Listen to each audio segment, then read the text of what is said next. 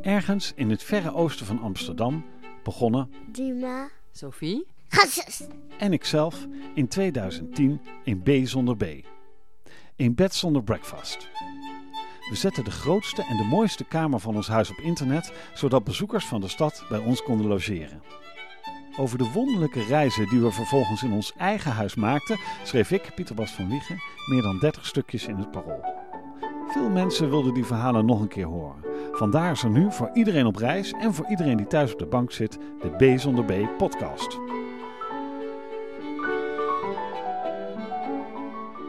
Aflevering 3: Esoterische Britten. Met grote kijkers en een grijze paardenstaart zit ze bij ons aan de keukentafel. In een zelfgebreide trui en met een wijde paarse broek met stiksels erop. Naast haar Kate, een verveeld kijkende puber van een jaar of 15. Zo, en wat zijn de plannen voor de komende dagen? Het is de saaie openingszin die we eigenlijk alleen gebruiken als onze gasten echt geen tekst hebben.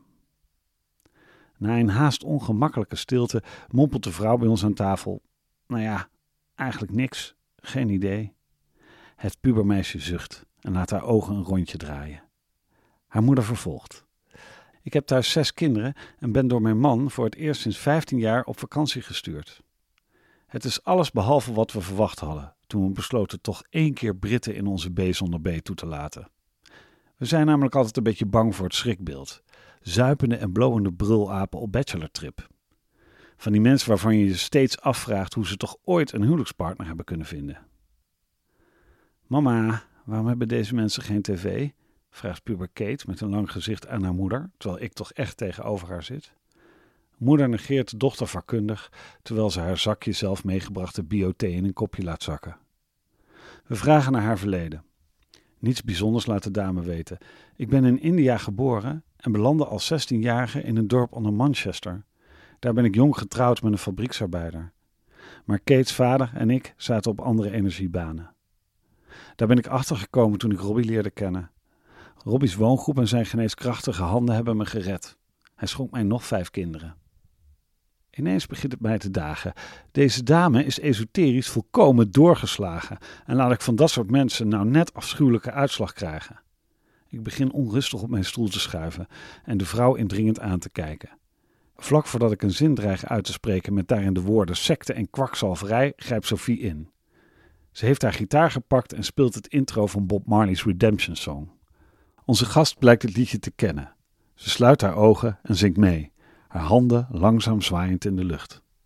Sophie, mijn vriendin en meester in het iedereen naar de zin maken. Ik ken het en wil alleen maar tegen haar zeggen: Nee, schat, doe het niet. Deze dame is een verschrikkelijke zweefteef. Maar ik zie dat het geen zin heeft. De dames zingen inmiddels Janis Joplin. En als onze gast een bloemlezing begint over de Indiase periode van de Beatles, doet Sophie het licht uit en steekt kaarsen aan. Als het niveau wegens gebrek aan repertoire bij Hotel California belandt, zitten we echt aan een kampvuur zonder vlammen. Ik kijk naar Sophie en dan naar het plafond. Tegenover mij, boven Kate, zie ik grote donderwolken. Mam, mag ik chips? vraagt ze. Ik sta op, ruk een keukenla open en haal er een gillend commerciële zak gefrituurde aardappels uit. Wat een chipie, Dina?